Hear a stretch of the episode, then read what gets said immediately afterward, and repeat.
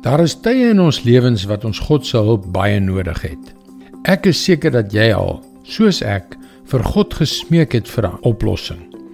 Maar wat doen jy as dit lyk asof hy nie wil antwoord nie?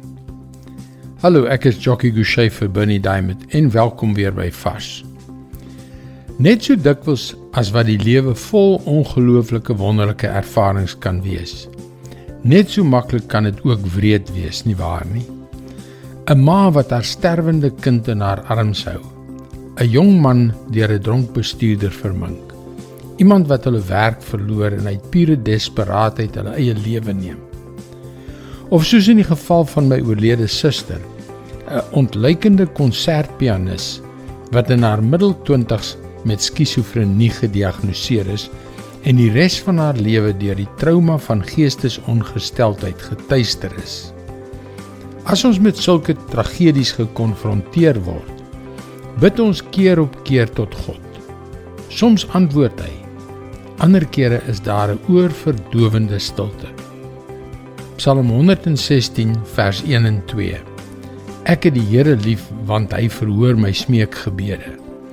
Hy het na my geluister toe ek hom aangeroep het. Hierdie woorde voel verkeerd.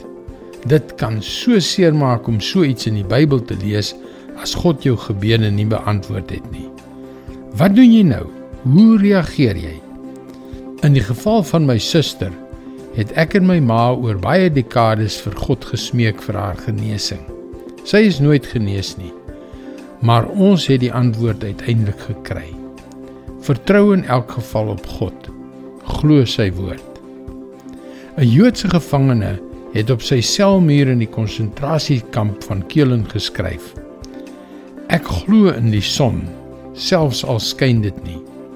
Ek glo in liefde, selfs al sien ek dit nie. En ek glo in God, selfs al is hy stil. God luister. God is hier. Vertrou op hom.